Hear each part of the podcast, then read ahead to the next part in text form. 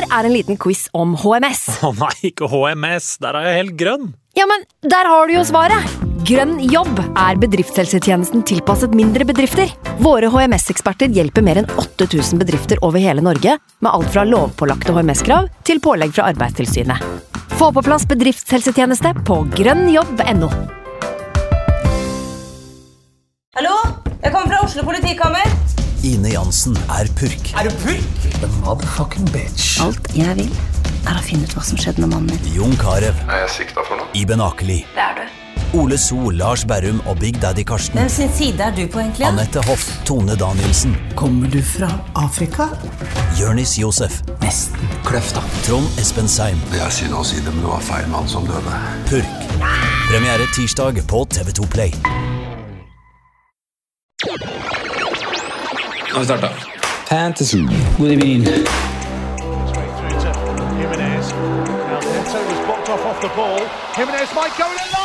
through to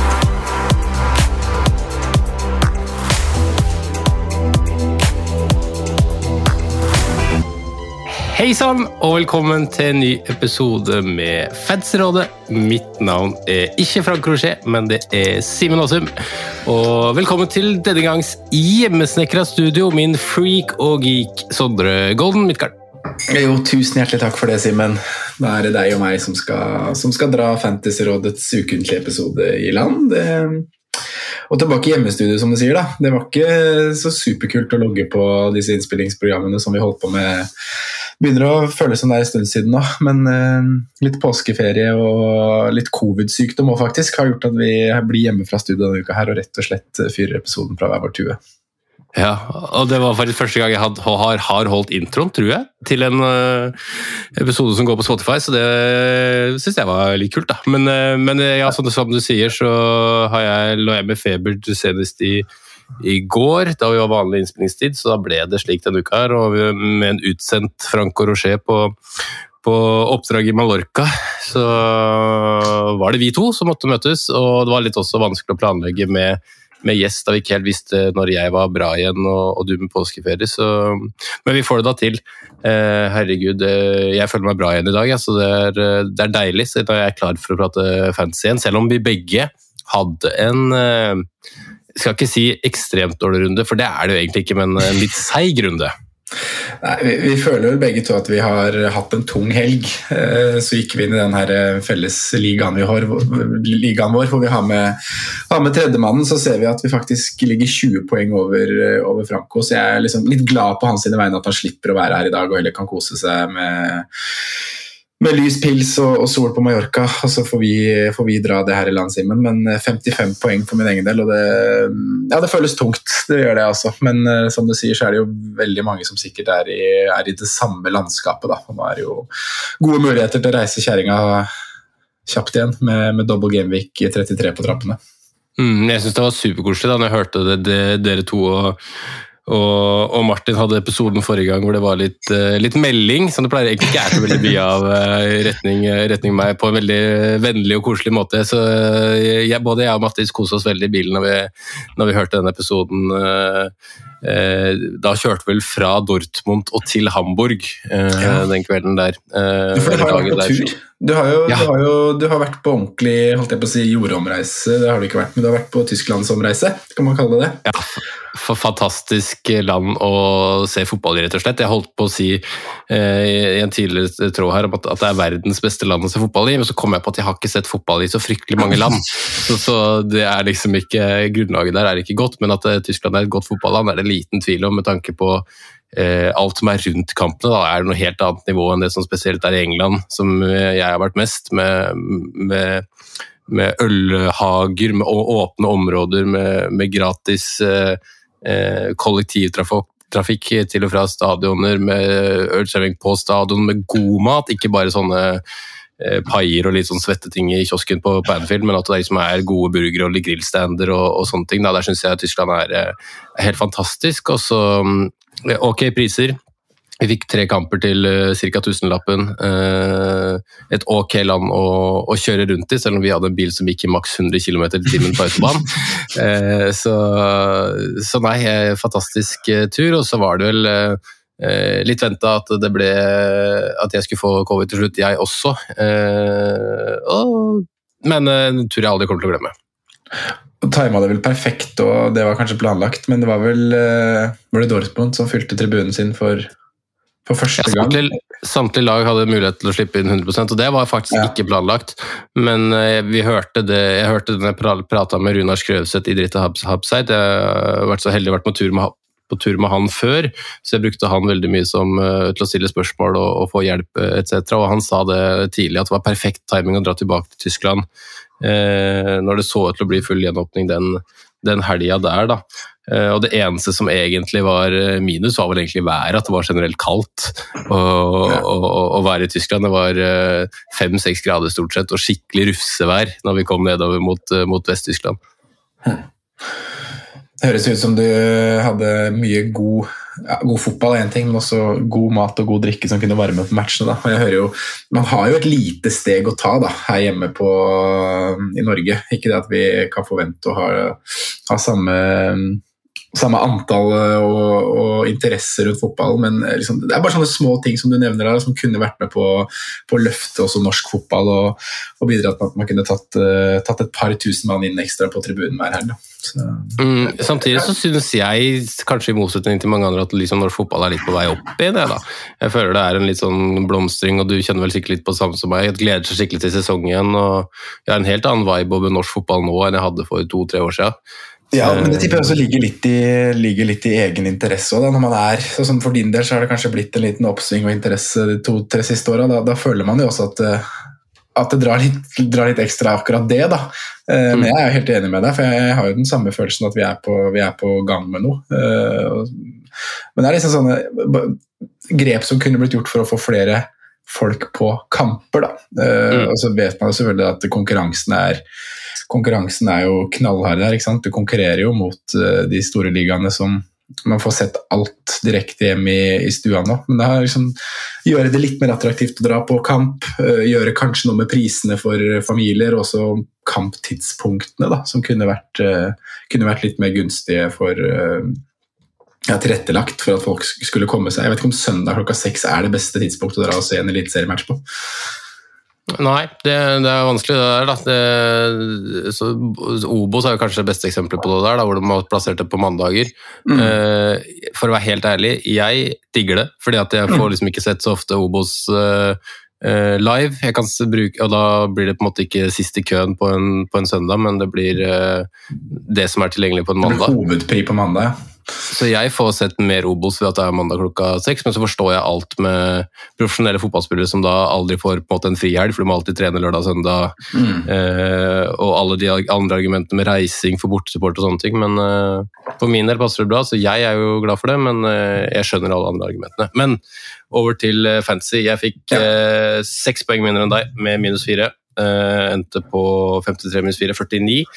Um, gjorde to bytter helt på tampen der. altså Hadde egentlig bare planlagt eh, ett, og så vurderte jeg å gjøre noe med Mohammed Salah. Mohammed Salah gjorde jeg ingenting med. Jeg endte med Fabian Skjær inn for Tierney, og jeg ender med Maxime inn for eh, Dennis. Uh, ender jo egentlig ikke i pluss på den hiten, ender sånn cirka i null, eller med ett minuspoeng, men får jo inn to spillere som har dobbelen nå, da, så man får vel ta ta regnestykket litt sånn i, i etterkant, jeg som ikke skal bruke, bruke free hit. Så eh, nok en hit, altså. Eh, Dobler ranken min sånn cirka, men ikke sånn nevneverdig stressa over det eh, den runden der, egentlig. Eh, samtidig som man har hatt sju grønne piler på rad, så må man regne med en liten, eh, en liten rød pil. altså. Ja da, du, du har hatt en god periode, Simen, så du skal ikke du skal ikke dvele altfor mye over en, en rød pil. Også, som Du sier, så får du gjort, en, du gjort to, to bytter inn der som også passer deg superbra, med, med tanke på at du ikke skal kjøre free hit nå i 33. Da. Eh, Jeg sa jo poengsummen min, den ble, den ble jo, den ble jo 50, 55 poeng, men jeg kan jo ta med byttet mitt òg. For jeg sto lenge og vurderte hva jeg skulle gjøre, og gjorde også et uh, typisk eh, typisk 28-bytte, holdt jeg på å si, to minutter før frist der. Eh, og kasta på samme mann som du gjorde på topp, altså. Saint Maxime. Men eh, ikke like god følelse som kanskje du har på akkurat det byttet, i og med at jeg har en plan om å kjøre free hit i, i 33, eh, og da fort vekk kanskje ikke har Maximæ inne på den free hiten. Eh, men grunnen til at jeg landa på han, var fordi at eh, landskapet rundt eh, Kane, som liksom har vært den åpenbare spissen, eh, og Lacassette, kanskje, som man også har vurdert, er veldig dårlig. Eh, jeg, jeg sleit med å finne alternativer som var fine for meg fra Gameweek 34, da, som egentlig var min hovedrunde å tenke på. Uh, ja, spissen jeg skulle sette på, var på banen nå i 32. Uh, og sånn sett var Maxime et fint valg, for jeg fikk med meg uh, en hjemmekamp Wolf, Wolfs der, og jeg fikk ha en spiller på fredag, som også er artig når man er hjemme og, og, hjemme og skal se kamp. Og så har han Norwich da, i, i, 34, som også er en veldig fin runde. Men etter det så ser jeg til å kaste ut Maximæ igjen og få på en spiss som kan være gunstig inn mot double gameweek 36. Eh, men akkurat når jeg skulle gjøre det byttet eh, på fredag, så så synes jeg det var vanskelig å finne ut hvem, det, hvem, jeg skulle gå til. Eh, de jeg egentlig vurderte mest, var eh, Vi snakka mye om Watkins i, i forrige podkast. Han var jeg plutselig 0-1 short på. Så om det har skjedd noe med Jiminez som jeg ikke har fått med meg, eller sånne ting, det, det vet jeg ikke. Men da ble jo han utelukka. Og da satt jeg liksom igjen med Ja, det var Pukki, det var Kucho, eller det var Saint Maximæ, da.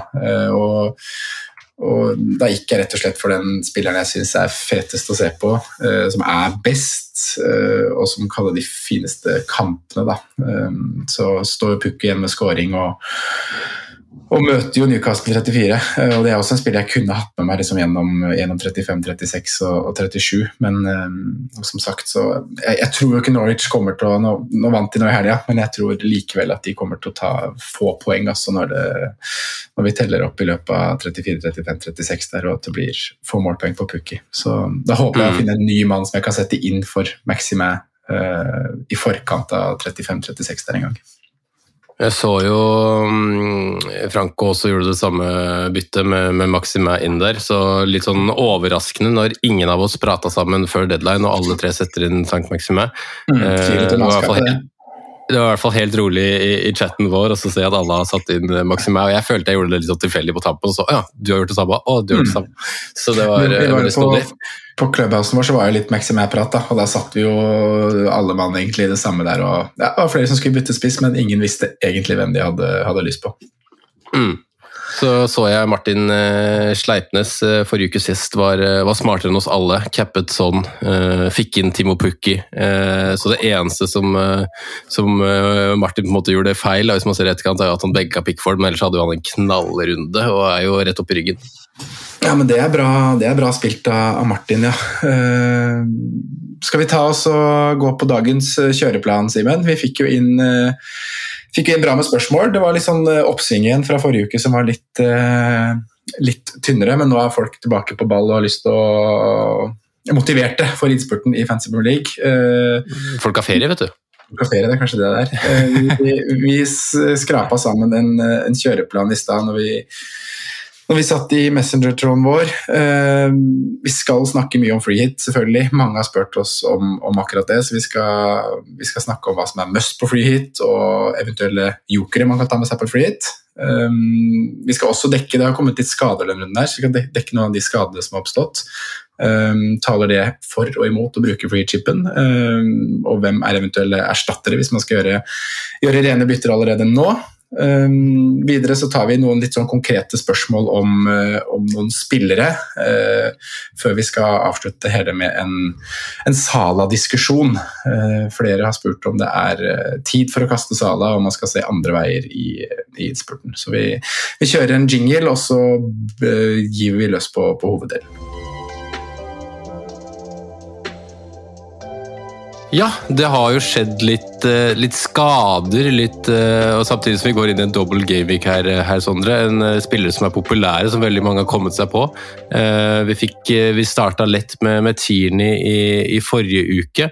Eh, nå er eh, også Matt Docherty ute resten av sesongen, faktisk, er det meldt fra, fra flere medier. Det, det samme meldes jo om, om Tierney, og dette er jo populære spillere som veldig mange hadde tenkt til å, i hvert fall på Docherty, da, ikke ha med seg på et eventuelt free hit, men bruke, eh, bruke store deler av sesongen ellers.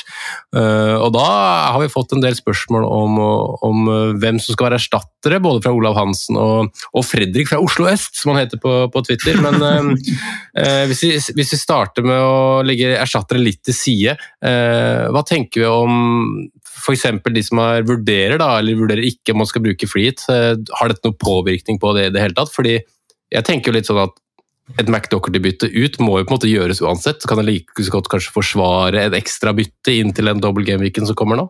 Mm. Jeg er enig med deg i det.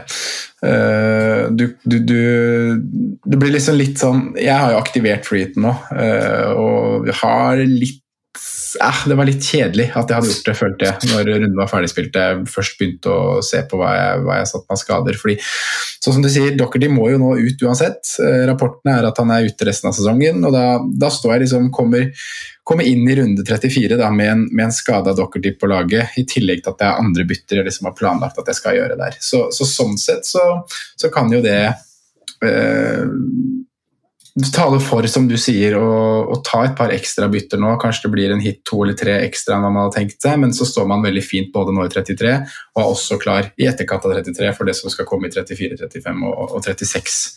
Um, men det avhenger selvfølgelig av hvor, hvor, mye du skal gjøre, da. Um, jeg har fortsatt trua på at jeg kommer til å få et veldig bra flytlag, for jeg får gjort en del forandringer og får forhåpentligvis maksa litt på noen av de spillerne jeg har trua på at det er verdt å makse på den runden som kommer.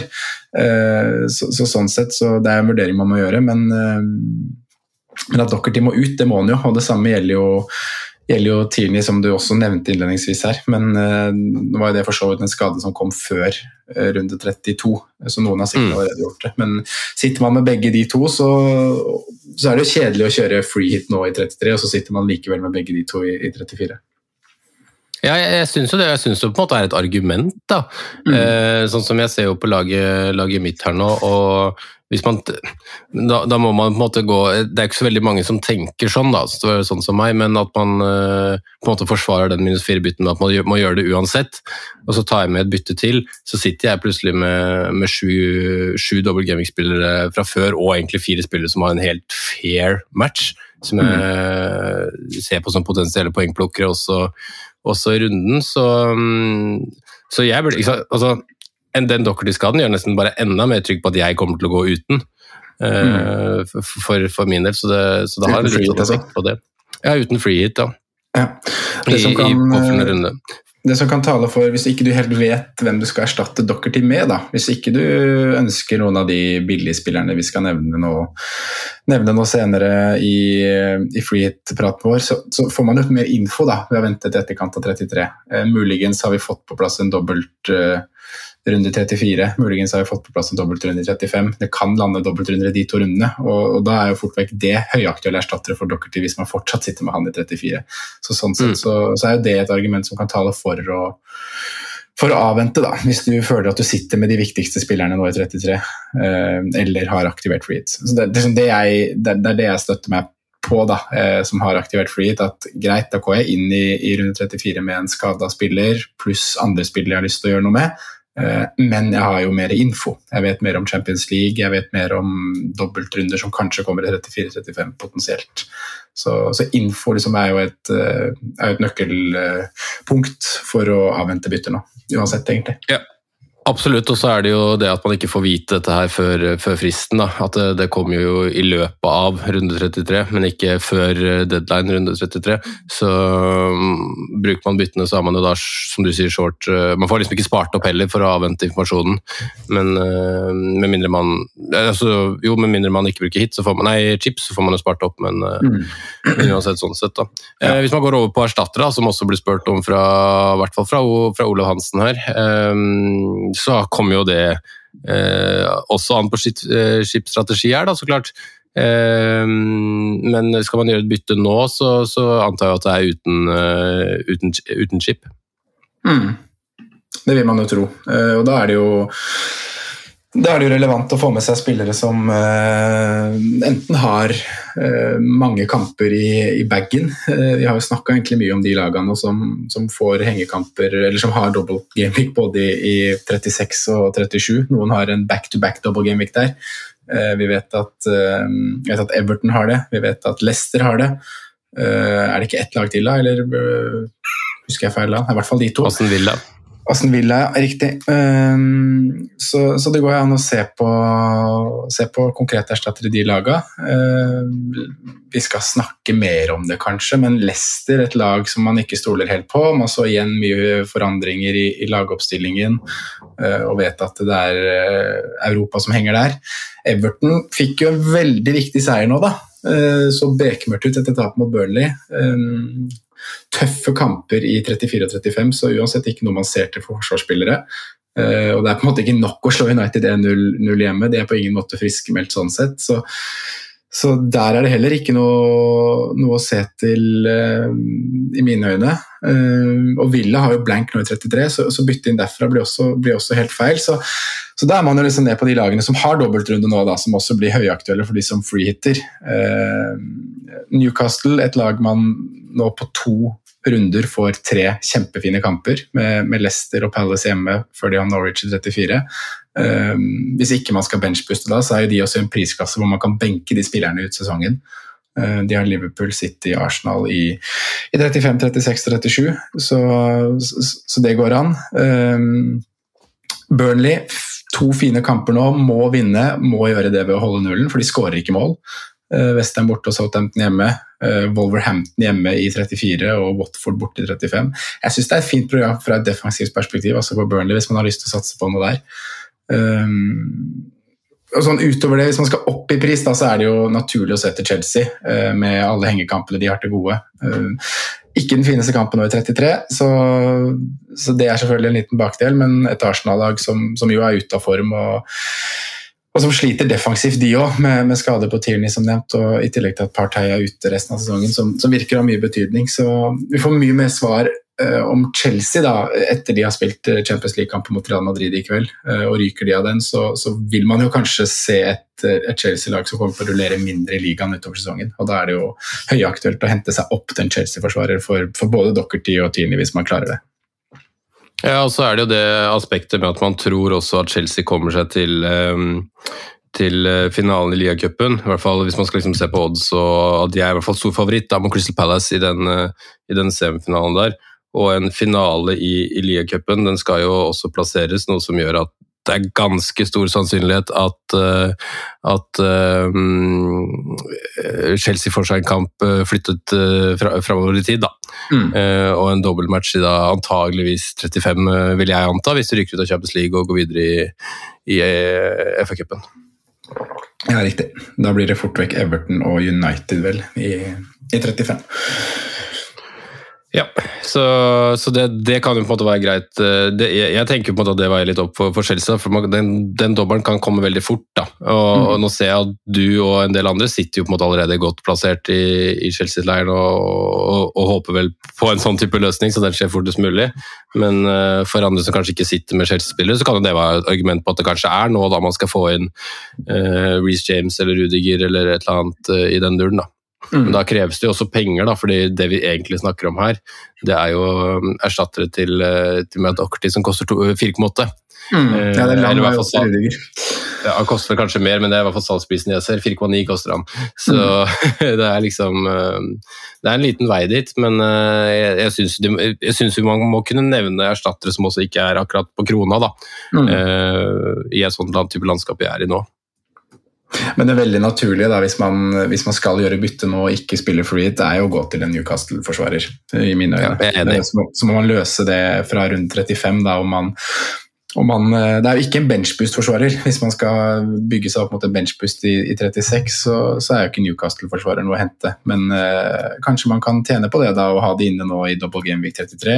Spille mot Norwich, og så kan man benke de en runde i 35, og så bytte de ut igjen i 36 eller 37, da, hvor man skal planlegge benchboost. Eh, eller for de som har mm, wildcard, er det jo supert. Da kan man jo kaste det ut på wildcard i forkant av den runden. Eh, kanskje noen er free skal spille det, da går det også an å kaste det ut. Så, så Newcastle har to veldig fine runder runder nå altså, som man bør, eh, bør, satse på. Og der er det jo også, som var inne på i stad, veldig billige spillere. Mm. man har Fabian Skjær til 4-4 som har vært litt frampå i, det- i det siste. Og så fikk seg en liten trøkk sist, men spilte videre. Eh, Dan Burn er jo like billig. Eh, virker å være blitt en kulthelt allerede også i, i Newcastle. Så har man mm. et brukbart alternativ, tror jeg, i, i Matt Target, som er hakket dyrere. Eh, har likt han, han før, men uh, også et lag som kanskje er enklere å forutse lagoppstilling enn det det er uh, i f.eks. Leicester, da, når vi prater om lag som har dobbeltkamp nå. Og Vi kommer litt inn på det mer etterpå når vi konkret skal snakke om rotasjonsrisker for denne dobbelen. her. Hvem, hvilke spillere skal man kanskje holde seg unna? Eh, både lag og spillere, for så vidt. Men jeg føler meg ganske trygg på at den Newcastle-leveren kommer til å være ganske forutsigbar i de to neste kampene. Newcastle-elveren, ja. ja den, er vel, ja. den er jo ganske eh, enkel å spå, ja. Det må man nok kunne våge å si. Da kan vi hoppe over til, eh, til mer konkrete freehit-lag. Vi har fått spørsmål fra Fantasy Stew på det. Vi har fått spørsmål av Espen Eriksen om hvem som må med på et sånt type lag. Kanskje vi skal starte med det? Hvem som, som må med, før vi kanskje går litt sånn mer på ledd for ledd, som vi er, er så glad i? Ja, vi kan godt gjøre det, altså. Ehm, Det er ehm, Hvem som må med, der har jeg skrevet ned Det er ikke så mange navn jeg egentlig har på den lista. Ehm, Men det er også liksom Du må gjøre noen valg her da, på hvem du, hvem du ønsker å gå for. Ehm, Det er naturlig at vi som freehitter nå, vi, vi ønsker jo å, å makse litt. Eh, Jeg har hele tiden sett på det som en, en, en mulighet til å hente en del premiumspillere som jeg ikke har. Eh, Og de er jo på en måte på den lista som kanskje må med, da. Uh, Selv om jeg likevel syns at det er en del, det er en del spillerom til å velge, velge uh, liksom, til å velge hvem du vil. Mm. Men jeg har, jeg har skrevet ned liksom at Bruno Fernandes er en jeg tenker må med. Eh, Så har jeg skrevet at Harry Kane eller Son, eh, en av de må du ha med. og Det er også uten, uten dobbelt, dobbeltrunde. da, Møte Brighton i en enkeltkamp. Men eh, jeg syns ikke du skal, skal droppe begge de bare fordi de har eh, en, en singelrunde. Det er litt sånn klassisk felle man kan gå i en dobbeltrunde. da. Eh, vet jeg at Våre lyttere er blitt så strukturerte og gode at de ikke går i de fellene lenger, kanskje. Um, men det er, det er viktig å liksom huske på det at eh, det er ikke alltid det er bedre med to matcher. Noen ganger er et lag så bra at det holder med én kamp, og, Brighton hjemme er en fin, for, en fin kamp for Tottenham. Så, så ha med Harry Kane eller ha med Hong Kanskje kan man også vurdere begge, det skal vi, skal vi snakke mer om. Um, og så har jeg sagt at du må gå noe Newcastle her. Eh, og det er bare for at det er så verdi i i det defensive, da, med de prisene vi akkurat refererte til. Eh, og veldig fine kamper på, på hjemmebane. Men, men utover det så føler jeg ikke det er så mye sånn "Eh, Han må man ha. Jeg syns eh, eh, man, man kommer til å gjøre noen tøff, tøffe ofringer her, da. Eh, Bruno, Ronaldo, Kane, Son, Kevin De Bruyne, Salah.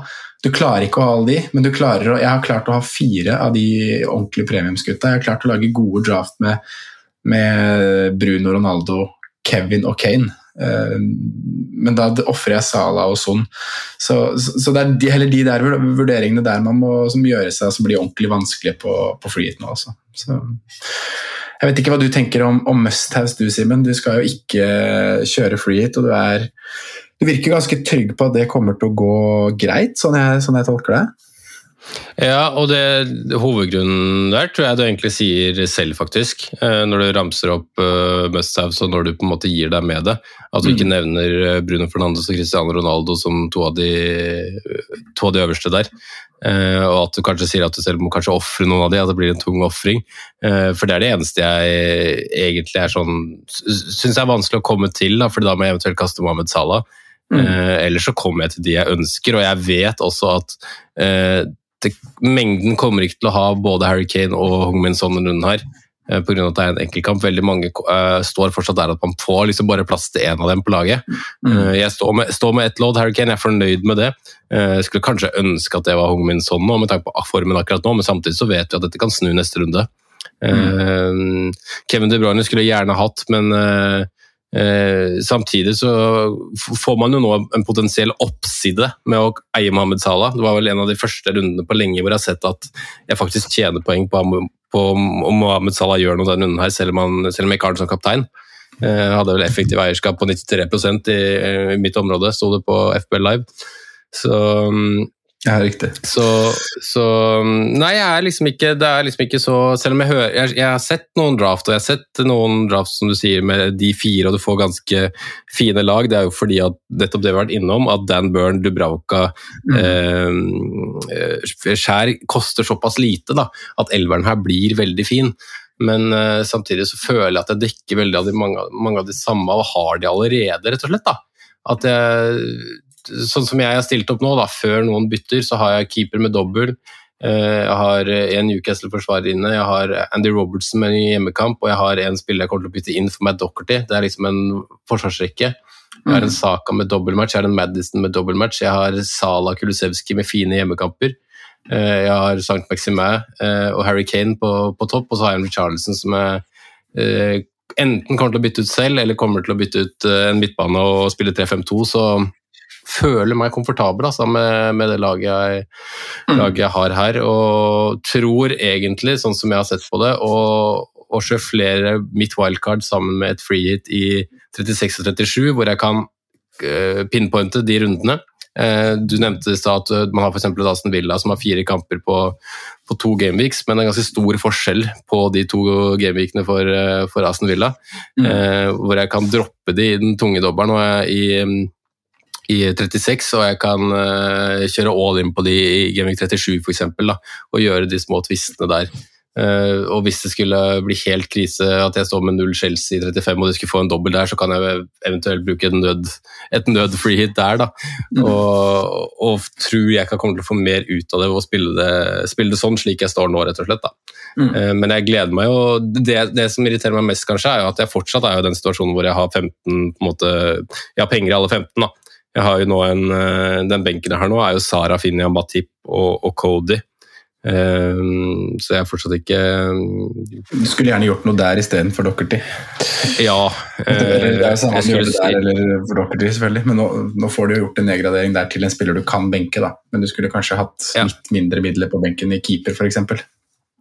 Rafinha jo, fikk jo forresten, det må vi nesten hylle, sin eh, første double digit, tror jeg.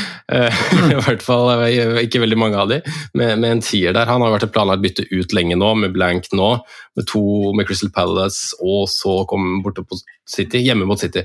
I de to neste så har det vært naturlig å tenke han hele tida. Så nå tenker jeg egentlig Rafinha Dockerty ut til to interessante spillere, så ser vi liksom hvor det, hvor det bærer fra da, og så står jeg med, med sju dobbeltspillere og, og fem enkeltspillere som rett og slett har en bra Det ble litt for mange, det ble tolv spillere. Sju pluss fire. Ja.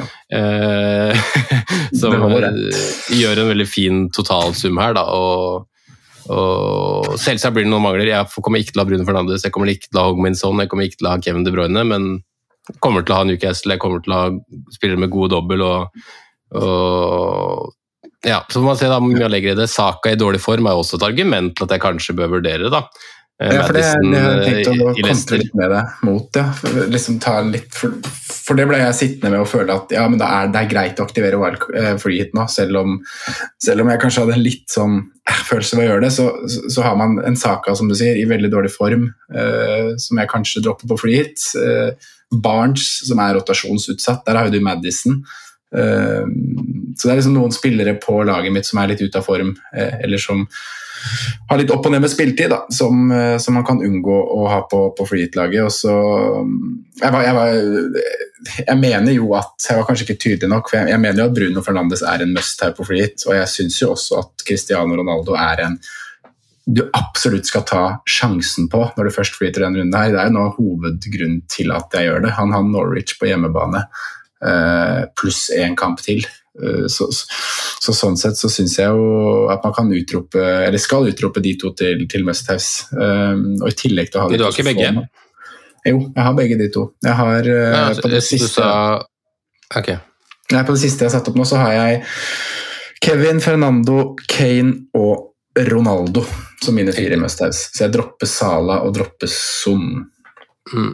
Eh, Og ingen Robert, og ingen Trent og ingen Reece James og Nei, for det er det som er grunnen til at man klarer å få til fire premiums. At man, eh, som vi nettopp snakka om, at du har så mye billig forsvar. da. Eh, så ikke noe premiumforsvarere. Jeg tror kanskje jeg kan få strukket meg til å ha til Cancelo inne, hvis jeg ønsker det. Mm. Men der ser jeg litt an Europa ser litt an Eller det er bare Europa jeg får sett an, for så vidt. For den, den cupkampen går jo søndag, før City har ny kamp da, som også blir Gamvik 33 på, på, onsdag. Så jeg får ikke sett han mm. spilletiden der. og Det er litt, det er litt det, dritt da, med, med, å kjøre Kevin De Bruyne og potensielt Cancelo. At man ikke vet hvor mye de har spilt i cupkampen i forkant, før frist der. Sant, og så er det liksom det med Når vi er inne på rotasjon og rotasjonsrisker også, da, som, som Lasse Myhrvold har spurt litt om, så, så gjelder jo det på en måte når han spør det nå, så mener han det sikkert for 33 for å unngå liksom med dobbelt, men det gjelder jo nesten mm. like mye rundt 34 for de aktuelle lagene. For Hvis man mm. ser f.eks. På, på Arsenal, så skal de spille borte mot Chelsea 20., men de skal også spille ny kamp 23. Så når disse rotasjonene kommer, kan det like godt komme 34 som å komme 30, eh, 33. da. Mm. For mange av spillerne, så får man tenke om de spillerne er kun aktuelle på et free hit for deg, eller om de er aktuelle på, for begge rundene, for så vidt sånn sett. da. Men jeg ser jo liksom for meg også at Saka får en hvil kanskje på løpet av tre neste, men om det kommer i en av de kampene nå eller neste der, det er liksom umulig å forutsi. da. Nei, det er et godt poeng, det. altså. Eh, det er jo spesielt de laga Chelsea, Liverpool City, eh, Arsenal, Leicester, som også har Europa. Det er, det er, noen her som har ekstremt tøft eh, kampprogram nå med, med jevnlig med matcher, så man må liksom bare ja, Man må forvente litt da, at man får en, eh, en hvil her eller der. Uh, og så er det litt sånn kjedelig at man uh, kanskje får den på, på et free men der kan man jo også unngå å gå for de rotasjonsutsatte uh, spillerne. og Det er noe av grunnen til at jeg har nå i siste gått litt bort fra, fra Barnes Madison inne på free mitt, selv om kampene er helt ok. Newcastle borte er tøff, Everton borte er semitøff. Eh, veldig positivt det vi så Everton nå mot United. Men eh, vi vet jo at det har vært sånne gode øyeblikk innimellom. Så har det dette helt sammen igjen i neste, neste match. Så den syns jeg fortsatt er vanskelig å spå for, for Leicester sin del. Mm. Ja, Everton hjemme har vel egentlig vært ganske fair, når man ser det over en, en litt lengre periode. De, to, de, har, slepp, de har tapt noen kamper her, men det har liksom vært knepent å tape mot Manchester City og og Wolverhampton før de nå har tatt to strake 1-0-seire. Det har vært skåret fire mål de siste fire kampene på Goodison. Det, det, er ikke mye mål for penga, selv om eh, Så får man se, da. Men det, det, var litt som vi vi spådde faktisk i forrige ukes Patrion-episode at uh, det kommer til å bli tøft å dra til Everton og uansett hvordan formen på laget var. da. Men når du snakker om, uh, om Vi har snakka om uh, dine på en måte must, og så mm. har vi gått litt gjennom rotasjonsfiske. Vi kan komme, kommer fortsatt til å implementere det i resten av praten. her, Men da, da, sier det seg selv at du kommer til å bruke pengene dine framover, Sondre. I et ja. free hit, og jeg tror veldig mange kommer til å gjøre det. Men det åpner kanskje opp for en joker eller to defensivt, eller? Ja, det, det, gjør jo det. Eh, og så syns jeg jo det er vanskelig å si helt eh, om man skal gå for en spiller eller om man skal gå for et jokerlag. For jeg har jo vært litt inne på, på rett og slett å bare banke inn tre forsvarsspillere fra Newcastle, Simen. Mm. Eh, og droppe det offensive der helt. Vi skal touche innom to spissalternativer. Litt etterpå. Hvis vi liksom starter å snakke litt uh, ledd for ledd og, og, og sånt nå, da, så kan vi bare gå rett på forsvarere og egentlig implementere keepere der. For, for jeg syns jo både Dubrauka er et fint valg på free hit, uh, og så har man forsvarsspillerne som du nevnte i stad. Uh, Burn, Fabian Skjær og Target. og jeg har hatt draft hvor jeg, hvor jeg har hatt alle tre forsvarsspillerne inne og, og spilt en slags uh, 4-4-2-variant. Uh, hatt en død spiss på topp sammen med Kane og Ronaldo. Uh, tre forsvarsspillere fra, fra Newcastle inne, og, og, og, bruke det som en mulig diff. da, Og makse der. Vi har både hatt suksesshistorier, men også fadeser ved å gjøre sånne type valg tidligere. men nå nå syns jeg på en måte at det, det er så enkelt å spå lineups Newcastle, det er én ting. Men så har de også Eh, bedring i spill, underliggende tall, alt taler for at det her kommer til å bli ekstremt eh, tighte matcher med lite mål. Da. Hvis man ser på, hvis man tar bort den Tottenham-matchen som var et unntak, så har det vært skåra ekstremt lite mål i, i matchene til Newcastle fra fra januar og februar og fram til nå. Eh, og det er ikke noe som liksom tyder på at det skal forandre seg. De underliggende tallene er fortsatt eh, greie for Newcastle sin del. Eh, så jeg har trua på at de de kan få to clean sheets mot, mot Palace og Leicester. Og Det som også er verdt å nevne der, er at de møter Leicester på søndag. Tre dager i forkant at Leicester har vært ute i en europakamp. Den mm. Europakampen den betyr mye for Leicester, og de kan også havne i ekstraomganger i den. De møter vel også Palace på det er, ikke, det er, ganske grei avstand mellom de kampene, selv om det er en dobbeltrunde. Det er, det er vel søndag 17. og 20. Ja. Søndag også. ja. Så, um, så, så jeg syns det ligger til rette for at Newcastle kan eh, få med seg to clean sheets, og har derfor lyst til å bruke det som en mulig diffing da, på, på freeheaten min. Eneste ufordelen holdt jeg på å si, for, for Newcastle er at Crystal Palace uh, uh, har jo hvile på en måte i forkant.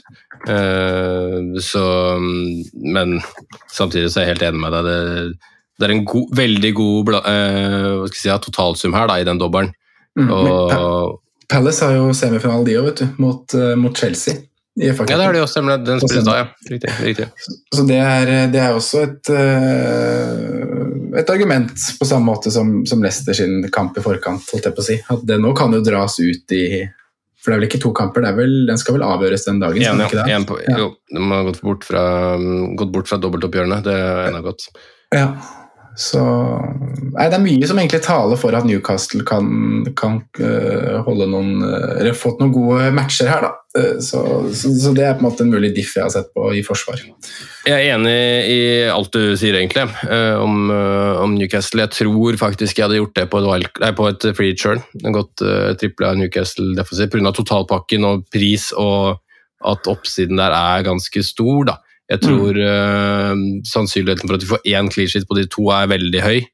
Uh, og da ender man jo fort med liksom en åttepoenger på alle altså Hvis man skulle få én clean sheet, da, så har du på en måte et tak på kanskje 15-16.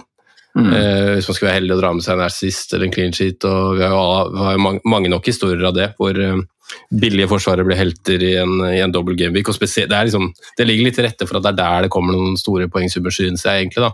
Mm. Uh, samtidig så synes jeg jo også de på topp der er eh, litt interessante, og kanskje lyst til å ha med en av de, men um, jeg kan jo fortsette på, på Forsvaret, for det er jo fortsatt slik at man kanskje stabler et veldig billig forsvar totalt sett. Mm. Det er det. Uh, av andre lag så har jeg liksom uh, Pope er jo inne i målet mitt hvis jeg dobler en trippel fra, fra Newcastle i, i Forsvaret. Uh, men der kunne man jo snudd litt om på det selvfølgelig og tatt med Dubrauka i, i forsvar, og så gått med en av Tarkovskij eller Lauten eller, eller Taylor for eksempel, da, i det forsvaret. For, en, for å få liksom 0-4 billigere, liksom? Ja, for å hente litt penger. Ja. Nå er vel de Burnley-forsvarerne for så vidt litt dyrere igjen enn hva Newcastle-forsvarere er. Det er vel kanskje, ja, Taylor og Loughton koster jo det samme cirka da, som, som Burn, så, så, da tjener man jo som du sier 0-4. Uh, eh, men så kan man jo si at Burnley eh, det er ikke så fristende, det. Men uh, tilbake til det jeg sa tidligere, da, så, så må de de må holde clean shit da, for å vinne kamper, for de skårer veldig lite mål. Uh, og da har de er tøff bortekamp mot eh, Westham United. Eh, holder de clean shit der, så er det garantert at Pope står igjen med en, eh, en tosifra poengsum. Og så har de et Southampton i kamp nummer to som også er vanskelig å spå. Da. Så, så jeg syns jo også det er, det er en fin mann eller to å dra med seg på fly hit. Så er det neste forsvarere, som selvfølgelig skal inn i miksen her, men der syns jeg det er veldig vanskelig å si hvem jeg har lyst til å gå til på, på flyet nå. Det er liksom hele, hele, uka, både i forkant av episoden med Martin og i etterkant, så var det Kastanj man så til. Eh, nå var han ute fra laget mot Palace og, og spilte vel ett minutt. og Så starter han i Europa, så, så, vil man jo ikke ha med seg han på et free hit. Men jeg vet ikke om man skal liksom ta, ta de bekkene som ikke spiller, ja, mot, uh, i europamatchen på torsdag, og så ta de på hitet. Hva tenker du om det? Jeg syns det blir litt søkt da, å skulle mm. gå den, eh, den veien for å være helt eh, ærlig. Og mm. jeg har vel egentlig nesten bare slått fra meg at jeg kommer til å gamble på en back der. Eh, fordi jeg vet egentlig ikke helt hvor prioriteringa deres er. Eh, samtidig så stiller de jo et lag som jeg ville kalt redusert i forhold til hva som på en måte er maks Lester.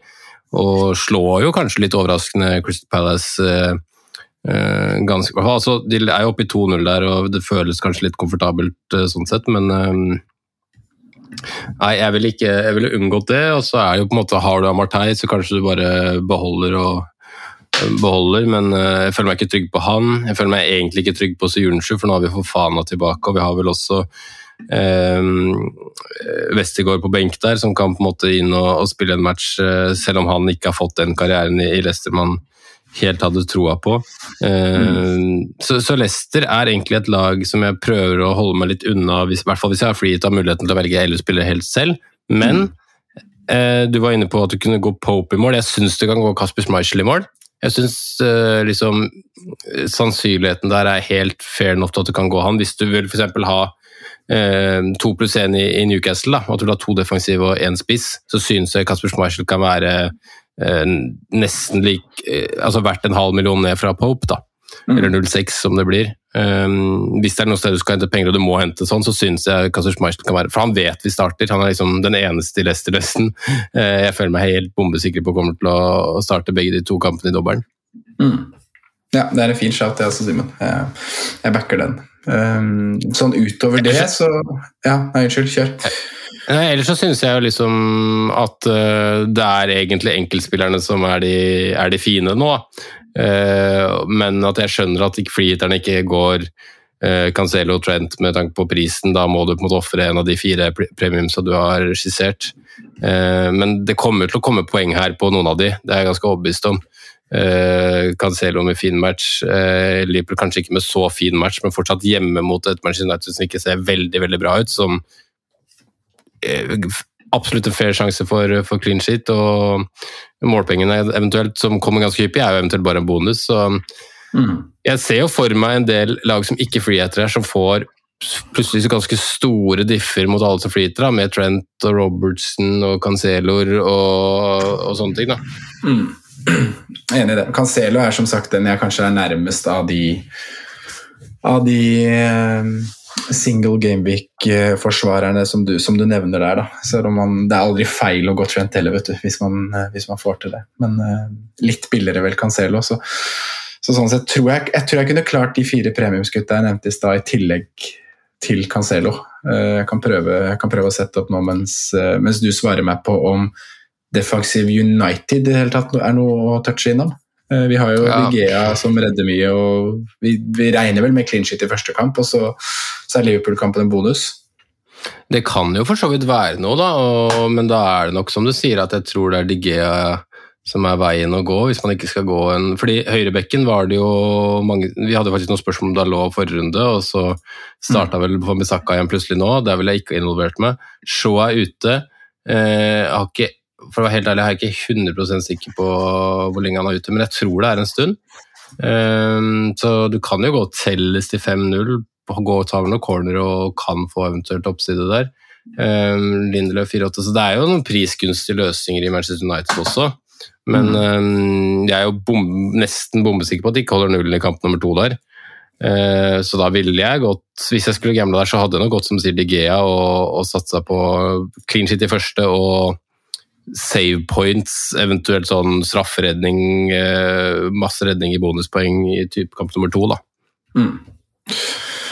Ja, nei, jeg er enig i det. Jeg er enig i det også. Og så har du det siste, siste laget som vi ikke har uh, dratt igjennom uh, defensive spillere på nå, som er, som er Southampton. da. Uh, og vi har Brighton og for så vidt, de to lagene som ligger på sørkysten her. Men, men, det er vel ingen av de hvor man vurderer å, å kjøre inn noe defensivt fra Simen. Vi trenger vel ikke å si noe særlig mye mer enn det. Det føles jo søkt å skulle gå Southampton nå etter 6-0 hjemme på St. Mary's, eller 0-6. Mm. Så jeg er enig i det, så kan man heller bevege seg opp mot, eh, opp mot, midten, som blir et slags blandingslandskap, da, når man forstår eh, setupene med, med et par dyre. og Da må det jo også inn et par, par tyskere. Det, mm, kan det starte med åh, Nå kommer jeg ikke på, på, på navnet. Eh, Dewsbury Hall eh, mm -hmm. i, i Leicester, som, som jeg så faktisk uh, Finn Solli hadde inne. Som uh, ligger helt helt i toppen av, av, av Fancy. 4,4. 1 pluss 1 uh, fikk sitt målpoeng nummer to og tre eh, i forrige, forrige match. Eh, det første fikk han vel i, eh, i deres seier mot Liverpool tidligere i år, så mm, eh, er, det en, eh, er det en spiller i rotasjons-Lester som faktisk kommer til å starte begge matchene? Var han Ja. verdt noe? Ja, det er et godt spørsmål. Uh, om han er verdt noe, holdt jeg på å si. Jeg tror, jeg tror nok det er en spiller som fort vekk er, er uh, i ganske god posisjon da, i hvert fall, til å starte begge kampene.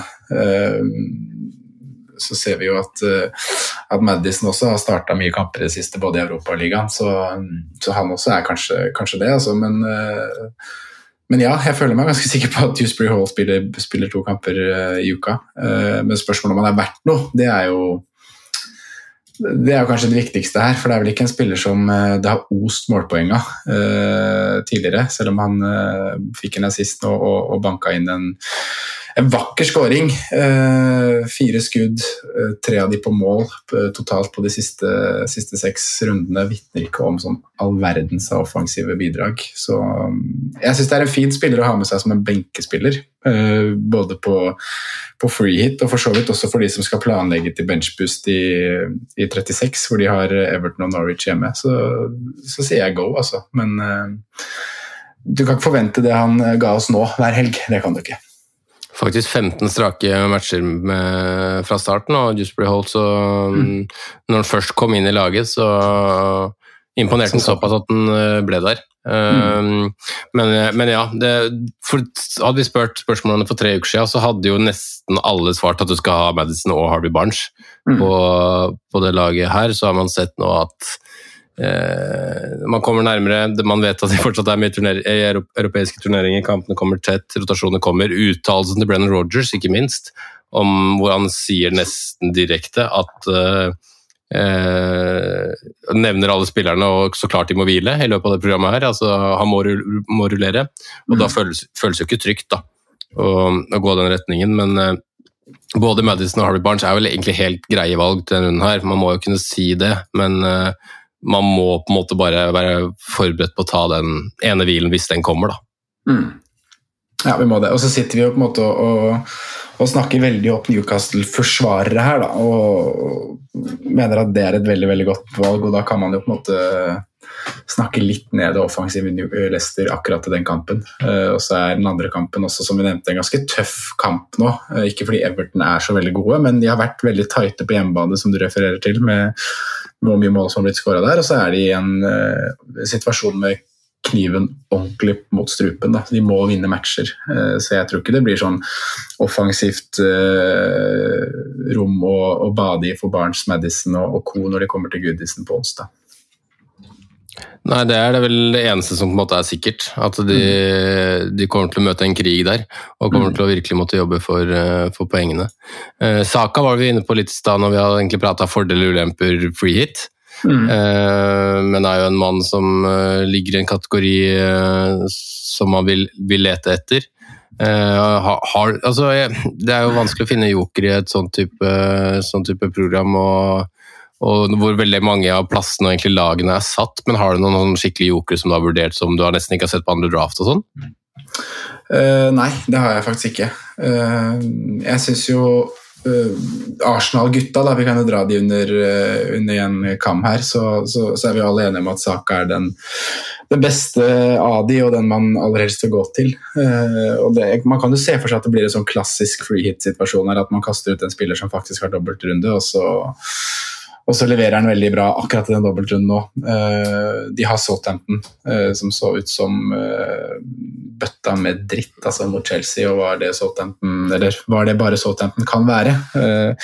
Så, så egentlig en fin motstander da, å møte for Arsenal nå når de skal prøve å komme seg litt på, på banen igjen. Eh, kamp nummer to mot Chelsea, den blir, den blir tøff. Eh, så, så, sånn sett så har jeg gått litt bort fra, fra Arsenal-offensiver. Altså. Men man, man, kan vurdere Saka, man kan vurdere Martinelli. Eh, det er alternativet der. Eh, jeg sitter og trykker litt nå når vi prater, Simen, og da, da, ser jeg at jeg er ikke langt unna å få til Kane, Ronaldo, Fernandes, De Bruyne og Son. Nå jeg alle de fem inne. Uh, og da har jeg da altså Pope i mål, trippel Burnley bak, nei, trippel Newcastle bak. Uh, Tsimikas er selvfølgelig med som femte forsvarer til 3-7. Um, kaster jeg inn da en uh, Fabian Delf på midtbanen der, ved siden av Son, Kevin De Bruyne og Fernandes, så har jeg 9,9 å bruke på de to siste plassene, hvor en av de skal være en spillende midtbanespiller, og den andre skal være en benkeforsvarsspiller. Mm. Uh, og da har man Martinelli, jo 4-5 angripere. Mm. Ja, ikke sant? Da har man jo Martinelli f.eks. inn til 5-3 der, og da kan jeg få inn en, en 4-6-forsvarer som faktisk er en spillende benk. Da uh, Da har jeg klart å squeeze inn alle de Da mangler jeg bare Sala liksom, av de premiumsgutta vi, vi snakka om tidligere. Uh, nå spora jeg litt av, for vi snakka vel egentlig om Arsenal og, og midtbanespillere, men jo, jeg skulle nevne en som kan være en joker da, i det landskapet, og det er uh, godeste Cornet. Yeah. Uh, han så jo veldig god ut mot, mot, Norwich og kom til utallige sjanser. Han uh, brant og brant og brant. Uh, var vel den som hadde størst, størst underprestering av alle denne runden her når man kommer til expected goal også. Jeg lurer på om den var opp mot 1,75. Ja. så er det også en del ting som ikke ble registrert der, som var større sjanser enn det, enn det dataene fanger opp. Han hadde jo blant annet en annen er helt på blank på bakre der, hvor han sleiver på utsida. Så, så, han kan jo være en joker. Uh, vi vet at han tidligere i sesongen før Afrikamesterskapet var veldig, veldig, på gang og veldig god. Og da overpresterte han veldig i forhold til sjanser skapt og XG, så han ligger litt uh, under etter han kom tilbake fra Afrikamesterskapet. Men uh, det er en, en joker da, til, en, til en pris det er mulig å squeeze inn her. Du datt ut litt der mens du, du prata, men eh, opptaket er hos deg, så jeg regner med det gikk, eh, gikk fint. sånn sett.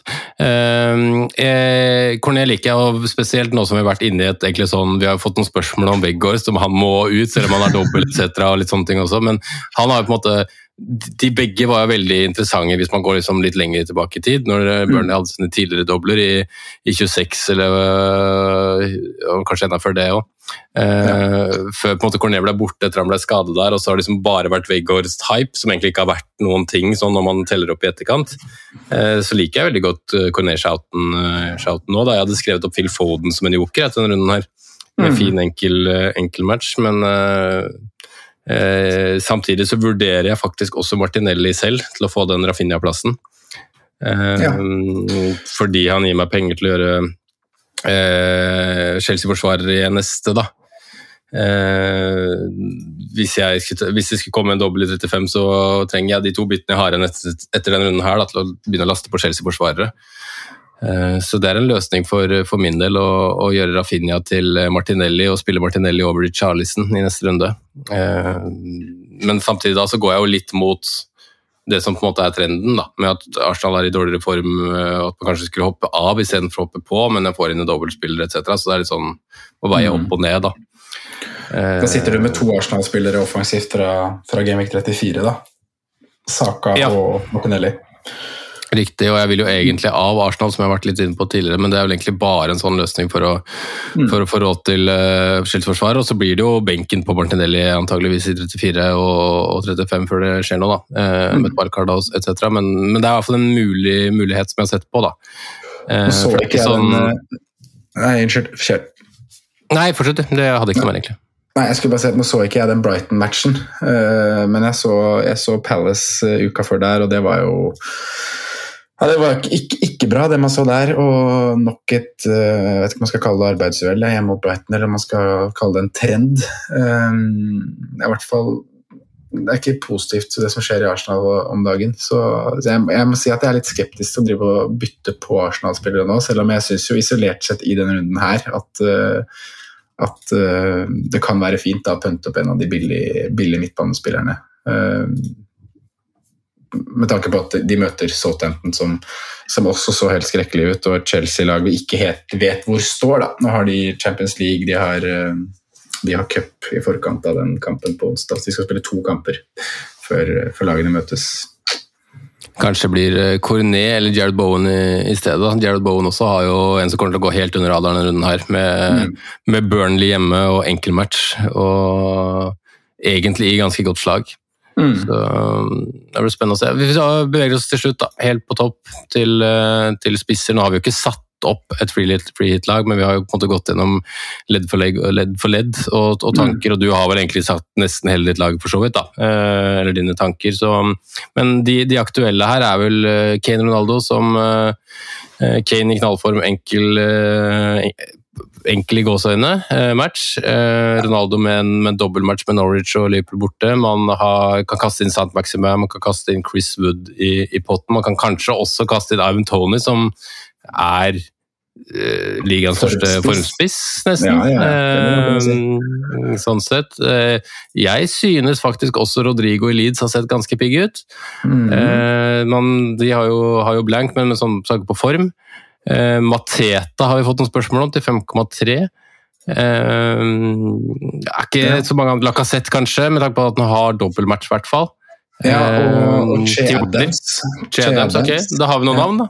Vi har noen navn, eh, men vi har ikke så mange plasser. Eh, og jeg syns jo de to første du drar opp der, er eh, tilbake til innledningsspørsmålet på flyt. Hvem er must-haves? Jo, Kane og Ronaldo er, er mer eller mindre must-haves. Du, du, du, velger de over Sala f.eks. denne runden her. Du gjør det. Jeg gjør i hvert fall det på flyt. Og da, da, har man brukt to plasser der, altså. Og da er liksom den siste spissplassen hvor man skal hvor man skal bruke den. Jeg er jo faktisk der nå at uh, den er en død spiss hos meg. At jeg kommer til å spille 4-4-2, uh, eh, mest sannsynlig. Um, og bruke pengene på jokere på midtbanen eller uh, en Cancelo bak, f.eks. Um, men hvis jeg skulle hatt med meg en spiss, så er det nok mest nærliggende at det blir uh, Chris Wood eller St. Maxime. Men da får jeg ikke brukt denne trippelmuligheten min bak. Da. da tar jeg på en måte en plass derfra. Uh, og jeg ser liksom ja, Jeg føler nesten sjansen er større for at de holder nullen i en av kampene enn at en av de gutta her havner med målpoeng. Chris Wood har ikke vært så veldig skarp foran goalen etter han ankom Newcastle. Har ikke jeg, var, det, var ikke første målet han skåra, han skåra to, vel. Ja, det var hans andre, tror jeg, i Newcastle. Ja, så mm, jeg er liksom ikke sånn supersolgt på at det kommer til å bli så at det liksom var løsning for han òg. Men uh, det er en mulighet å, å ta med. De fòrer Chris Wood med innlegg og, og, og, er tunge i boksen når de kommer der. Fyller på med Joe Linton, og på dødballer så er det mange som skal markeres. og Chris Wood får jo plass, så, så sånn sett så er det en mulighet man kan gå for. Uh, St. Maxime syns jeg um, vi kunne fått mer av, for å si det sånn, Simen, eh, nå, mm. nå, på fredag. Han, han er jo seg sjøl lik, da skaper, eh, skaper, mye på egen hånd. Dribler, er vanvittig artig å se på, men eh, er også unøyaktig og ukonsentrert og udyktig da i avslutningsøyeblikket. Så Um, altså Han kunne jo den matchen der faktisk endt med alt fra null til tre målpoeng, og så vet vi jo det at uh, snittet hans og conversation rate og liksom sluttproduktet hans er så som så. Det har liksom alltid vært det, liksom, det har vært det samme med han og, og Adama Traoré ganske lenge, selv om uh, Maxim er liksom alltid har ligget over altså Det har vært en mellomting mellom en normalt god, effektiv spiss og, og Traoré, og så har liksom Maxim er til tider uh, vandret veldig mye i det mellomsjiktet der. Men mm. så at, altså at, det ble null målpoeng til slutt er jo ikke helt overraskende, men det kunne jo fort vært to. Eh, som du sier, han eh, hadde vel to ganske rett etter hverandre der, hvor han først burde skåre, og så prøver han egentlig på et legg, så blir det en mellomting mellom et skudd og et legg, og så ender det ut ingenting. Så, men han, jeg, så, jeg fikk akkurat snap av en, av en god bekjent som, som, er kjent for å si at fotball er ferskvare, nemlig Øyvind Berdal. Og mm, det er vel litt sånn som vi må tenke når man går inn i en sånn runde her, at fotball er ferskvare, og, og kjør, kjør, Chris Wood. da, fordi Jeg skulle jo nesten ønske man hadde fire Newcastle-plasser hvis man skulle kjørt uh, free hit. Jeg hadde jo faktisk brukt det denne runden her, hvis jeg skulle gjort det. Jeg mm. hadde hatt Chris Wood og den tripperen bak. Ja, jeg så, det, så, er det som er ja, ikke sant? Så er det som gjør det litt sånn vanskelig. da, man skal gjøre. Men jeg synes jo isolert sett at Chris Wood kanskje er den beste value-spilleren. da, den hun har, offensivt, eller i, på topp. da. Mm. Selv om jeg er helt hvorfor, ja, hvorfor over Maxime? Jeg syns den, den er close, altså. Ja, det er for så greit at jeg, jeg kjøper den, men uh, at man liksom bare går Chris Wood nå da, fordi at han skåret sist, og selv om jeg liksom også kjøper argumentene dine at han har jo egentlig ikke vist noe over tid, men Nei. Som vi har vært inne på, det er jo alle argumentene vi bruker for å egentlig kaste inn Newcastle her. Da. De har to fine matcher, de har to brukbare motstandere. Eh, Mm. Det ligger liksom til rette, de er i form, de er et formlag. Så mm, jeg syns sjansen er verdt å ta, da. På egentlig nesten samtlige Newcastle-spillere. Og, og sånn før runden, så når det ikke er så veldig mange andre spisser som har to fine matcher, i hvert fall denne runden her, da, så, så synes jeg eh, alle er verdt å ta eh, sjansen på. Så for meg så blir det nesten å vurdere Chris Wood St. Maxime opp mot uh, Matt Target, altså. Ja. Det er nesten det som er vurderinga, om jeg skal gå 4-4-2 med, med tre Newcastle-spillere bak, eller en 3-4-3-variant hvor jeg har Chris Wood inne som, eller Maximæ inne som en siste spiss ved siden av Kane Ronaldo. Så de koster jo litt, da, for hvis man ser liksom 4-5 som, eh, som minus, minimumspris, så koster jo Chris Wood eh, 2,2, da. Mm. Eh, så koster jo Fabian Skjær med en minimumspris på 0, eh, 4 blank, da, litt lavere nå selvsagt når det nå synker pris, men 0,3, så er det liksom, det er ganske stort sprang fra Fabian Skjær til Wood, så Wood koster jo kanskje, altså å sette inn Wood for deg gjør jo kanskje noe med en av premium nå, faktisk. Det gjør kanskje at du må gå fra Kane til sånn, eller altså, eh, Jeg, jeg, den turen der, da. Jeg klarer ikke Jeg klarer i hvert fall ikke å ha med fem av de dyre gutta, så jeg må på en måte kaste sånn. Men å klare Kane, Kevin, Fernandes og Ronaldo, det, det går fint. Selv om jeg har med Chris Men vi har, har vi snakka litt for lite om det blir tilbake til midtbanen, faktisk. Men jeg kom på noe når, vi, når jeg sa Kevin, men Kevin De Bruyne er jo fytti rakkeren så god han var mot Liverpool, Simen. Ja, generelt eh, City syns jeg var veldig god mot, eh, mot Liverpool, men det er Kevin De Bruyne som på en måte er, er, er drivkraften der. Det eneste som på en måte var Men det, det, det tror jeg kanskje bare er litt i de, de kampene der, men at de, de slet litt med å komme til de virkelig store. for de dominer, Det har de gjort i begge to kampene nå, synes jeg, mot, mot Liverpool. De har dominert mye mer i banespill enn det de har klart å komme til enormt store sjanser. Eh, Men eh, når man ser eh, Kevin De Bruyne og den siste perioden og hvor mye han har dratt med seg bonuspoeng også, så blir jeg ikke overraska om han drar, med seg en tosifra nå heller, altså. Nei. Vi skal jo snakke Aha. litt om eh, Sala og om eh, droppe Sala etterpå, men Kevin De Bruyne er jo absolutt en mann man må, kan vurdere å bare sette inn og ha resten av sesongen. Altså. Ja, Hadde man tatt eh, et wildcard nå, så tenker jeg jo Kevin hadde vært foran nesten, med tanke på at han er en million billigere også. Eh, Det syns jeg, men, men det er jo liksom det, det er det psykiske aspektet også, da. Med å liksom ikke gå Mohammed Salah. Jeg kjenner det på min del nå. Jeg, altså, jeg kjenner det som en opptur å kunne ha Salah som en diff i neste runde, liksom. Mm. Uh, og kunne ha han resten av sesongen. Jeg er ikke så bekymra for at den måltørk, eller at det er en liten Det er fælt å si måltørke, da, men uh, han har ikke skåra på de tre, tre siste ligakampene.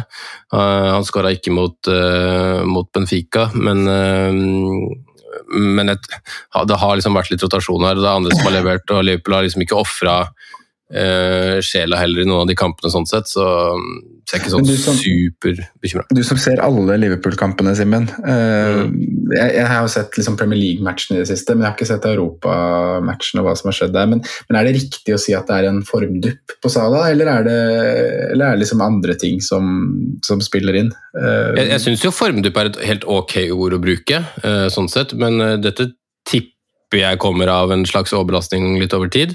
Eh, ikke bare Vi vet jo hvor mye Klopp prater om at han restaurerer så bra, og at ingen av han om Sadio Mané rører en dråpe alkohol og kropper og alt det der, men, men jeg tenker litt på det psykiske aspektet. da, At han gikk gjennom et ganske uh, tøft Afrikamesterskap hvor han har eh, et mye større press enn mange klarer å forstå overfor Egypt. da, og Mye mer alene også enn det Sadio Mané har overfor Senegal.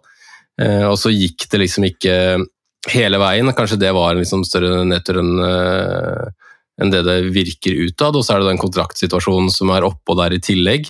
Eh, som jeg, uansett hva som faktisk er sant i den situasjonen, så tipper jeg det tærer energi. da.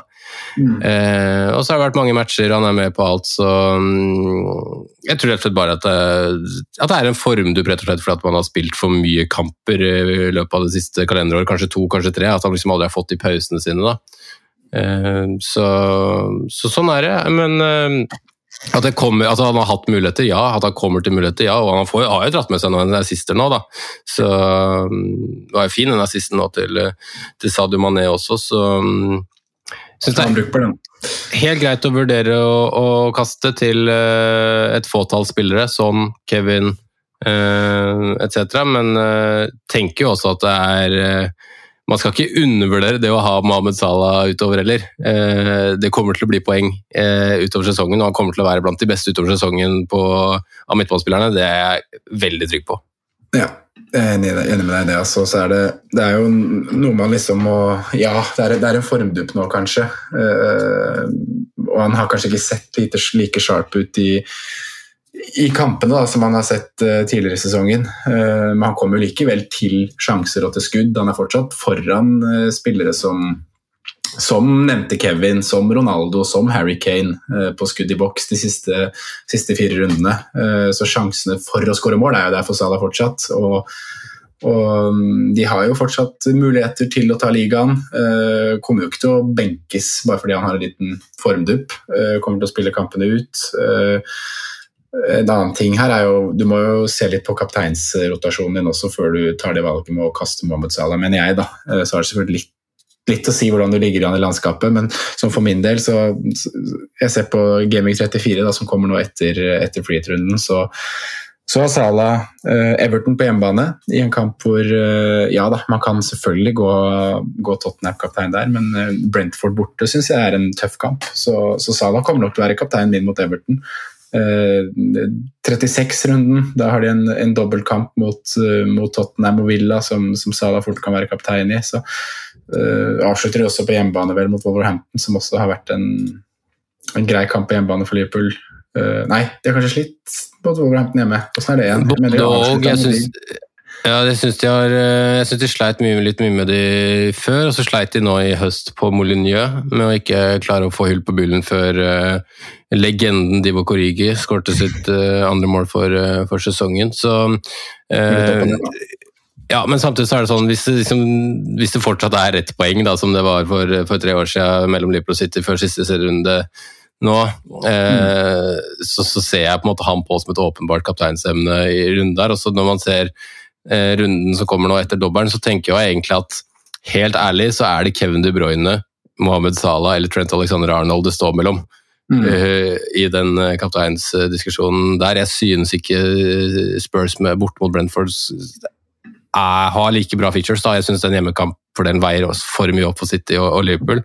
Mm. Um, og så er jeg helt enig med deg i, i runde 36, men når Liverpool har en dobbel, uh, så er det gode muligheter. Og så er det kanskje det som det lille som har vært undersnakka med tanke på formen til Mohammed Salah, er jo at andre på laget faktisk har um, At man har et alternativ til, at man har rullert litt ekstra, og at andre faktisk tar litt mer ansvar også, da. Med mm. Luis Diaz, med Diogo Jota som stepper inn. og, og det er jo litt sånn også at Eh, et lag skårer jo x antall mål eh, etc., så er det jo, det fordeles jo på en måte på et, på et vis. Så når Liverpool leder 2-0, så har de ikke det ekstreme behovet for å skåre nummer tre, og da kanskje ikke Mohammed Salah skåret den dagen, og så blir det mindre perioder. Og, og sånn går det litt i, i bølger, så mm. Men uh, nei, det, det, det, er vanskelig, altså. Jeg, jeg, sliter veldig med å Det var det, det var hele den dreie tankesettet mitt forrige uke, for jeg skal jo innrømme at jeg vurderte jo Mohammed Salah til Bruno Fernandes forrige. Og, men jeg følte at hvis jeg ikke skulle gå for dit, så var det mer naturlig å gjøre det forrige runde enn det var å gjøre det nå. Med tanke på borte på Etiad. Uh, visste jo at han kunne få med seg noe, men sannsynligheten var mindre. Ja. Og at jeg trodde jo at United kanskje skulle i hvert fall skåre mot, mot Everton. Da. Men jeg trodde kanskje mer på 2-2 enn 1-0 i, i, i, den matchen der. Uh, så nå føler jeg at det blir, blir feil at du er litt, og, og litt for sein på det, det byttet. Ja, jeg skjønner det, altså. Hadde det vært en vanlig enkelrunde, da, så tror jeg kanskje jeg skulle vurdert å bytte inn Kevin De Bruyne, men det føles feil å kaste Mohammed Salah til Kevin De Bruyne nå, ikke også gå Bruno Fernandes, på en måte. Om du er med meg mm. på den uh, psykologi- og runddansen der. Så ja. Men jeg ser jo at når vi kommer til runde 34, så kommer vi til å ha veldig lyst til å eie både Salah og, og Kevin. Og, men det blir vanskelig når man har Kane inne, altså. Ja, man, eh, man får jo nesten ikke stabla tre eh, premiums og, og ha, skal ha på Cancelo og skulle ha på Trent Alexander Arnold heller, på en måte. Reece James, Rudiger mm. Yes, med, med, med doble rush. Det, det, det er jo derfor dette spillet her er gøy, da. Fordi at man har limiterte muligheter. Altså Hadde man hatt råd til alle, så hadde det jo ikke vært i nærheten av like gøy. Eh, og Man kunne kanskje ønske seg en sånn rik onkel-chip eller noe sånt også i, i, i Premier League, men uh, jeg synes sjarmen med, med dette her er også å finne de de billige som gjør at det, det åpner opp muligheter til enda flere offensive. Da, at man må streve såpass med å få til et, et godt lag. Da. Og Derfor syns jeg også at kanskje prissettinga er litt for lav i, i år. Mm. og at prissettinga i f.eks. Eliteserien Fancy, klapp, klapp, Jonas Berg Johnsen, er hakket bedre. da. Fordi det gjør det vanskelig å få gode lag, men det blir jo en helt, helt annen diskusjon igjen. da. Men, at men, eh, Eriksen er underprisa. Men eh, Ja. ellers, ellers veldig bra. Mattis jubla fra bobilen i Tyskland når han kappa, kappa Christian Eriksen i runde én. Oh, stort. Men landa vi de spissene på flyet, eller Simen? Jeg ja, jeg dro oss ut i Kevin De Bruyne og Sada-prat, så det var fint vi fikk Det var jo et, det var et punkt på planen her, så da fikk vi tatt den litt. Men eh, jeg fikk jo tatt litt om eh, Kane Ronaldo står. Eh, ja, det er greit å velge Maximæ. Utover det så dro vi opp noen navn, men det er vel ingen av de vi egentlig mener sånn helt seriøst at man drar med på et freehit, eller? Nei, altså, der jeg egentlig starta med introduksjonen, som ble litt sånn lenger fordi vi kasta inn litt navn her og der, men det er Mm. potten min på en free hit tror jeg ville vært Kane Ronaldo, Wood, Maximæ. Mm. Um, jeg tror det ville vært de fire jeg ville valgt mellom, og så Che Us- Ja, Nei, jeg tror ikke det, altså. Uh, men uh, litt mest på grunn av kanskje Southampton Altså programmet til Newcastle og formen deres versus det samme med, med Southampton, da, som ikke har har vel eh, tre tap på de fire siste, om jeg ikke tar helt feil. Um, så um, ville på en måte den billigplassen Jeg, altså jeg ville jo aldri gått Wood og Maximum på, på free hit, eh, selv om begge de var i potten, men at det er de fire som på en måte var i potten. Og så tror jeg faktisk også at jeg, jeg tror ikke jeg hadde hatt med meg Ronaldo på et, eh, på et free hit, altså. Um, jeg tror jeg, jeg hadde gått Bruno som den offensive. Nei, altså Han versus sånn, for eksempel, da. Ville heller lagt Ja. midlene der. jeg tror det, altså. Og at jeg ville hatt med meg også Kevin liksom foran. Eh, Ja, det, man klarer begge deler. Man klarer Ja. liksom tre jeg, så, jeg, så på, jeg så på noen draft, altså det mm, Ja. Jeg, jeg, jeg tror jeg hadde klart meg med Bruno Fernandes jeg, i, i Manchester United den, eh, den runden der. Det er jo liksom med form og, og sånne ting også, da. Samtidig så vet jeg jo det at uh, man skal ikke legge så mye vekt på form, og at de tapte 1-0 mot det på Goodison når de skal møte Norwich hjemme i neste. Altså, uh, taket der er like stort uansett. Ja, det er det. Jeg ser eh, bare ref det vi snakka om uh, Southampton, så har de tapt eh, De har tapt mye i det siste, ja, som du sa. De har ikke tapt bare De har, de har tapt hjemme mot, mot Watford, de har tapt hjemme mot, eh, mot Newcastle. eh, de har spilt 1-1 mot Leeds, 6-0 mot Chelsea. Southampton er i skikkelig dårlig form, de. Riktig. Det er ikke- det er såpass ille, ja. Jeg bare husker at de, hadde, de tapte jo øh, 0-6, og så hadde de vel uavgjort mot Leeds, og så mente jeg at de tapte før der. Så jeg mm. kasta vel uten å, være helt, uten å være helt bombesikker på akkurat hva jeg kasta ut, men jeg hadde en feeling. Det var, det var en god feeling, Simen. yes. Nei, skal vi eh, si at det var det? Eh, Det var det. Jeg har ikke planlagt noe på perrongen i dag. Nei, det, sånn går det jo når man ikke har mm. hærføreren, eh, hærføreren vår med oss. Mm. Eh, Da må man akseptere at det blir en, eh, en podkast litt mer på, på sparket. Men vi hadde jo, hadde jo en kjøreplan her og, og en liste med dette vi skulle gjennom. Og vi har jo sittet her og prata i godt over en time også. Ja, det ble langt der. Fint. Jeg syns det var veldig hyggelig, i hvert fall. Så håper jeg at det var uh, fruktbart for, for oss og de som lytter på. Det kan jeg nesten garantere. Jeg har i hvert fall blitt ganske gira på å kjøre triple Newcastle bak på freeheatet mitt, Simen. Det må jeg si. Og det tror jeg Ja. skyldes vår prat nå. Jeg tror det er en riktig sjanse å, å ta litt samme som vi hadde med Brighton for uh, to-tre år siden, eller hva det er. Uh, ja, men man, man må jo være ærlig. at altså, Bunnen er jo der. Bunnen her er jo 1-1 og 0-1 i, i, i dobbelen. Ja. Men man må jo tenke det at det er jo Brighton tapte 1-5 hjemme mot Cardiff, gjorde de ikke det? Jo, det kan stemme de gjorde det, men, men det, gir jo, altså det er ikke så stor utslag i 1-5. Jo da, jo greit, litt utslag, men, men eh, man må jo huske da at man eh, Det laget man setter før runden, er jo på en måte de riktige valgene man har, man har gjort, og de man Ja. tror på og de man stoler på. Og så er jo på en måte poengsummen bare et resultat eh, som kommer i etterkant. Mm. Men eh, men, eh, Misord. Man må, må huske hvorfor man gjør, gjør valgene man gjør, da. Det er veldig viktig. Yes, Og vi setter jo alle de, de, alt det vi har sagt i dag, gir jo mening med det vi mener og tror på, liksom. Eh, Ja, Så bommer vi, så treffer vi. Så treffer vi. Og sånn der. Sånn er det. Sånn er det, sånn er det. Takk for i dag. Ja. Vi, vi snakkes på, på Patrion mot, uh, mot påskeaften en gang. Og så, nei, det må bli før påskeaften. Runden starter uh, Når starter runden? da? Starter på lørdag. Den starter på lørdag. Ja. Mm. Det blir noe kjør der på fredag en gang. Og så kanskje vi får til en Clubhouse også. Hvem vet. Det får vi til. Det er uh, bombesikkert, det. Her nydelig. Takk for i dag. Ha det godt. Takk for i dag.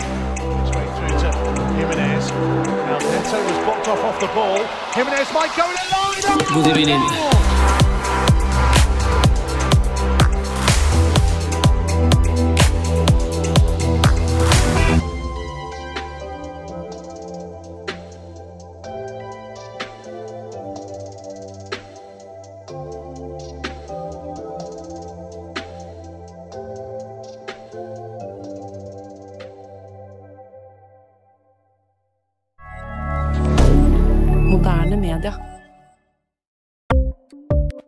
Ukens annonsør er Folio, en smartere banktjeneste for deg som har en egen bedrift eller ønsker å starte for deg selv. Folio er en superenkel nettbank for bedrifter. Som kunde i Folio får du en bedriftskonto med et bedriftskort og app. I denne appen er det smarte løsninger som forenkler regnskapet ditt, uansett om du har en liten bedrift eller et enkeltpersonsforetak. Folio er både intuitivt og brukervennlig, og er laget med et enkelt språk. I tillegg tilbyr de forutsigbare priser og ingen skjulte gebyrer. Skulle du likevel trenge det, så kan du snakke med deres raske og hyggelige kundeservice, og der får du prate med en faktisk person og ikke en chatbot. Folio er med andre ord både enklere og koseligere enn banken.